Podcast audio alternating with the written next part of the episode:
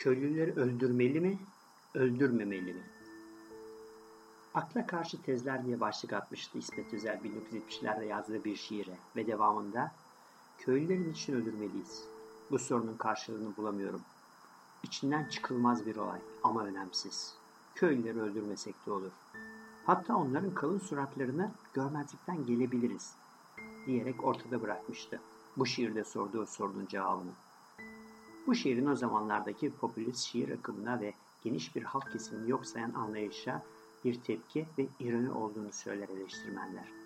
Bu dönemi takip eden 80'li yıllarda Şükrü Erbaş, İyimser ve Kederli kitabındaki Köylüleri niçin öldürmeliyiz başlığını kullandığı şiirinde kendince bir cevap vermişti bu soruya.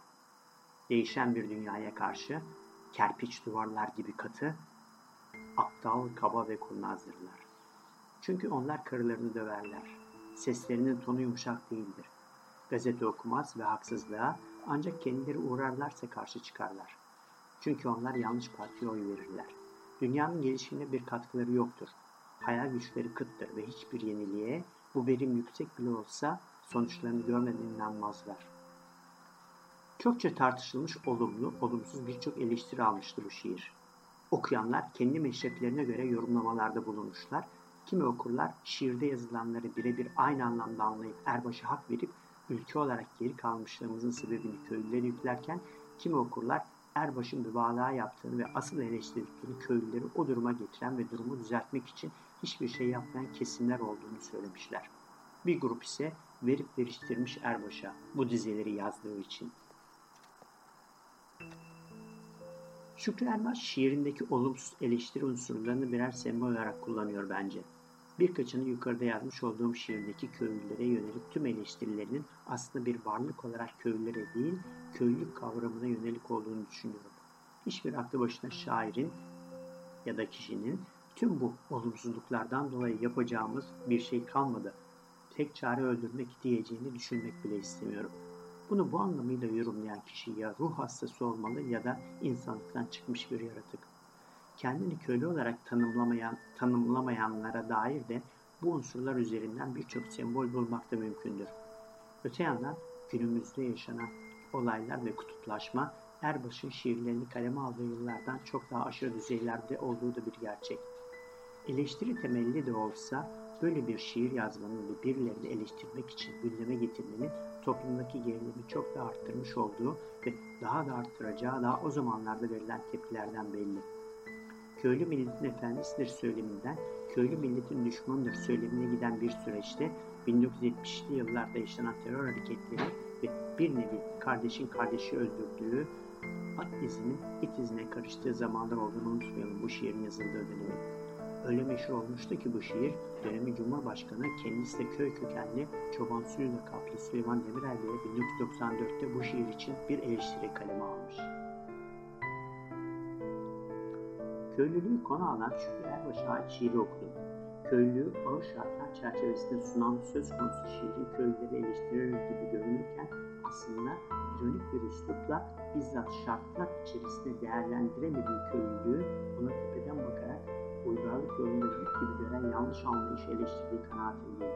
Bununla birlikte gerektirdiği gibi derin bir anlayışla okunmayıp sadece düz anlamı itibariyle dikkate alındığında köylümüzü sevmeden bir metin olarak yorumlanabilecek ve bir takım yanlış anlayışlara yol açabilecek bir tehdittir. Köylüleri ya da köylülüğü eleştiren benzer yorumlara ülkemiz ve dünya edebiyatımızda rastlanır. Mesela okuduğum romanlar arasında İngiliz edebiyatına modern anlamda ilk roman olarak kabul edilen Maud Flanders'ta da John Steinbeck'in gazap üzümlerinde de köylüler gayet olumsuz ifadelerle anılırlar. İnsan Neyle Yaşar kitabında Tolstoy da anlatmıştır köylülüğü Çiftçi Pahom'un hikayesinde. Mevlana'nın Mesnevisinde bile köylüler gayet olumsuz ifadelerle tanımlanmışlardır. Tek Adam kitabının yazarı Şevket Süreyya Aydemir'in Suyu Arayan Adam kitabındaki Rus köylüsü Mujik tanımlaması da Şükrü Erbaş'ın köylüleri betimlemesine oldukça benzer. Her şey karşı şüpheli, yerine göre zalim fakat her zaman helekar ve sarhoş bir mahluk. Yazıyı yazmama neden ise benim de içinde bulunduğum bir WhatsApp grubunda diğer bazı gruplarda olduğu ve farklı bir nedenle başlayan bir tartışmanın bağlamından uzaklaşarak taraflardan birinin diğer hak etmedikleri sözler söylemesiyle gelişen olaylar oldu. Yüz bakarken söyleyemeyecekleri sözleri sanal ortamda başkalarına söylemek hiçbir çekinceleri bazı kişilerin yazık ki. Bir tartışmada bir arkadaş köyde yaşayan amcasının yaşadığı iyilik yapmakla ilgili bir olayı anlatmasıyla başlamış. Bir diğer arkadaşın da bu konuyla hiçbir bilgisi olmamasına karşı yaşanan bu olayı ve kişileri köylülükle ve köylülükle ilişkilendirdiği kendince olumsuz değerlerle suçlamasıyla devam. Daha sonra da o yöreyi geçmiş seçimlerde belli bir partiye verdiği oylarla ilişkilendirmesi ile olay alevlenmiş ve tartıştığı arkadaşıyla onlar gibi aynı partiye oy verdiğini iddia etmesiyle de dananın kuyruğu kopmuştu. İçinden çıktığı ve yaşadığı toplumu acımasız yargılayıp olumsuz sözcüklerle aşağılayan, alttan alta kendini üstün gören bu tip bir üstten bakışın eleştirdiği köylünün eleştirdiği bir oy vermesinin nedenlerinden biri olduğunu göremeyecek kadar da için düşünüyordu. Oldukça iyi niyetli anlatılan bu iyilik anısında anlatan arkadaşın amcasının köyünde öküz ve düven sürüldüğü günlerde birden hava bozmuş. Herkes bir an önce harmanını kaldırma telaşındayken köylerden biri öküzün hastalandığını, harmanını kaldıramadığını söyleyerek amcanın öküzlerinden birini istemiş. Eşi ve oğulları biz ne yapacağız, bizim işimiz de acil, öküzü verirsen bizim harmanımız ortada kalır demelerini dinlemeyerek öküzlerden birini vermiş komşusuna. Öküzü alan köylü harmanını kaldırmış ama amcamız harmanını kaldıramamış ve ürünün yarısı heba olmuş. Bu tartışma esnasında başka bir arkadaş Şükrü Erbaş'ın yukarıda bahsettiğim köylülerin için öldürmediğiniz şiirini hatırlatmıştı. Benim de aklıma üniversite yıllarında okumuş olduğumuz Jonathan Swift'in A Modest Proposal, mütevazi bir öneri yazısı gelmişti. Her ne kadar bu eserlerin toplumda süre gelen aksaklıklara ve olumsuz şahsiyetleri hicvetmek için kaleme alındığını düşünsem de bunları okuyan bazı okurlar bu yazar ve şairler gerçekten yazdıkları gibi düşündüklerini ve bu düşüncelerinde de haklı olduklarını iddia ediyorlar.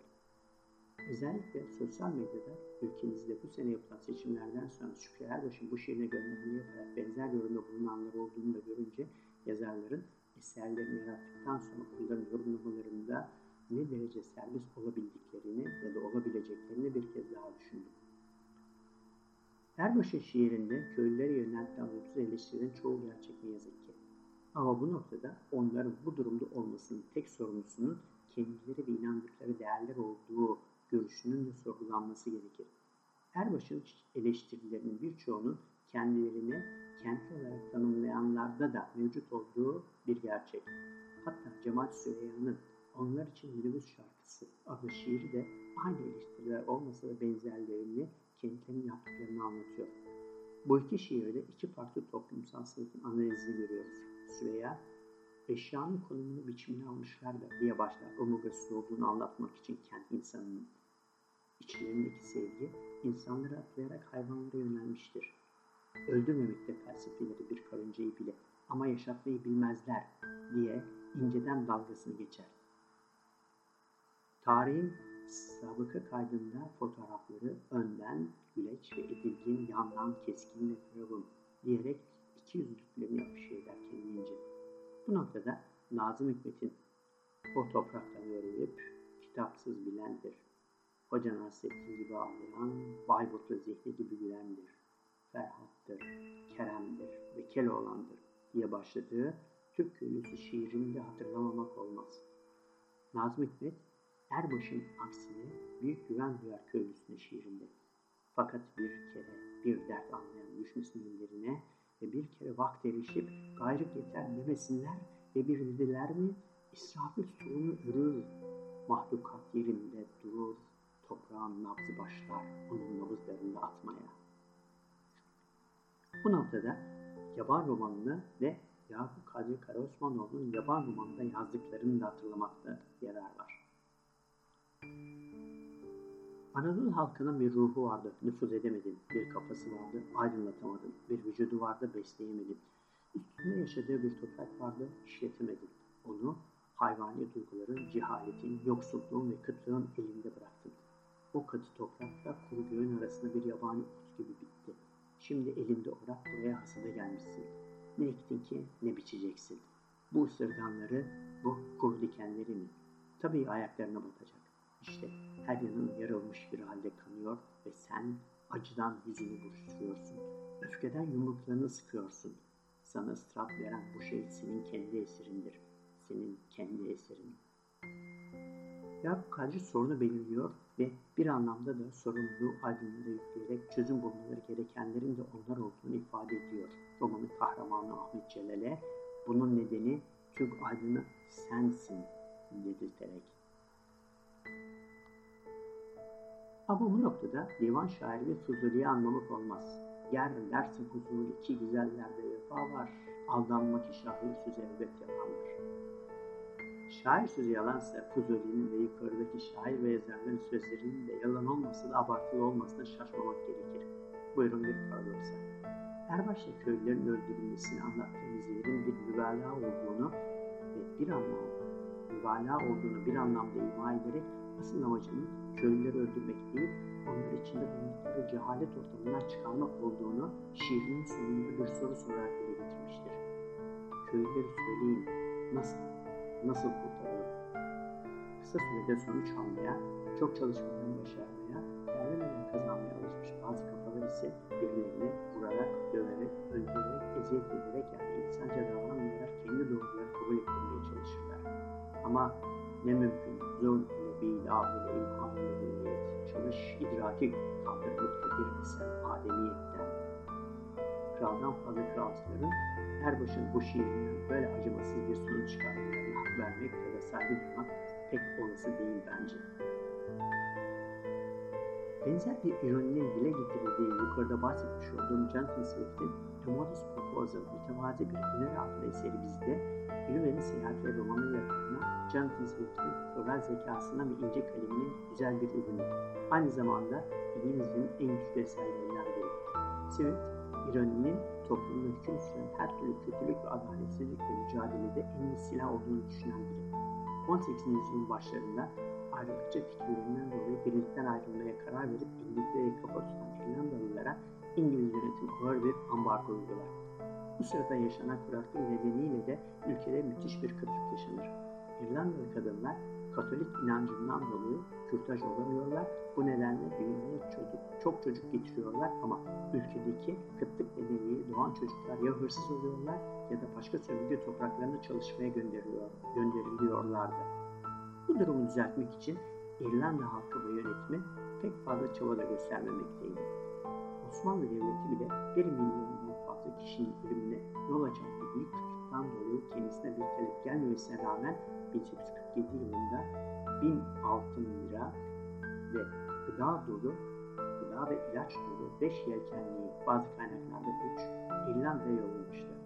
Hatta Padişah Abdülmecit'in 10 bin altın gönderme teklifi İngiliz kraliçesinin 2000 altın yardımından çok olduğu için reddedildiği söylenir.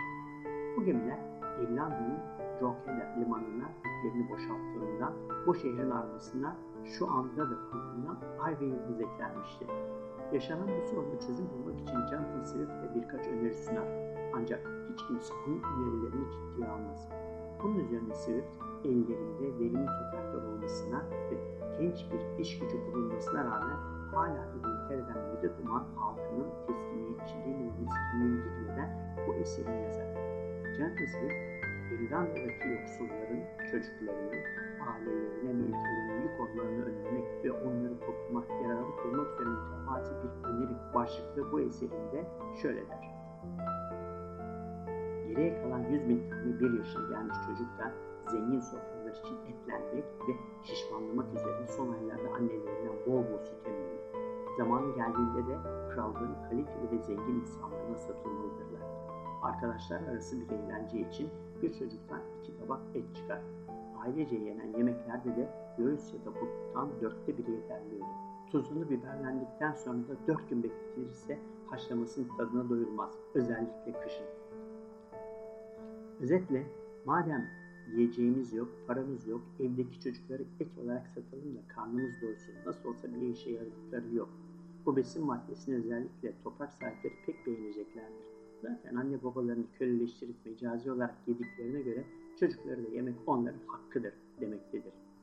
Böylece yoksul ebeveynler ekonomik olarak fayda sağlayabilir ve çocukları yetiştirme yükünden kurtulabileceklerdir. Swift bu eserinde İrlandalıları asla insan olarak görmedikleri için İngilizlerin ve İrlandalı yöneticinin acımasız zihniyetini eleştirmektedir. Ben de şair ya da yazar sözü elbette biraz yalandır diyerek işin içinden sıyrılayım ve okurların kendi değerlendirmelerini yapmaları için şiirlerin ve yazıların tamamını okumaları tavsiyesinde bulunayım. Ama unutmayalım ki yaşanan sorunları çözmek için böyle akıl ve insanlık dışı yöntemlere başvurmak hiçbir devirde sonuç vermemiştir. Köylüleri öldürmeyelim.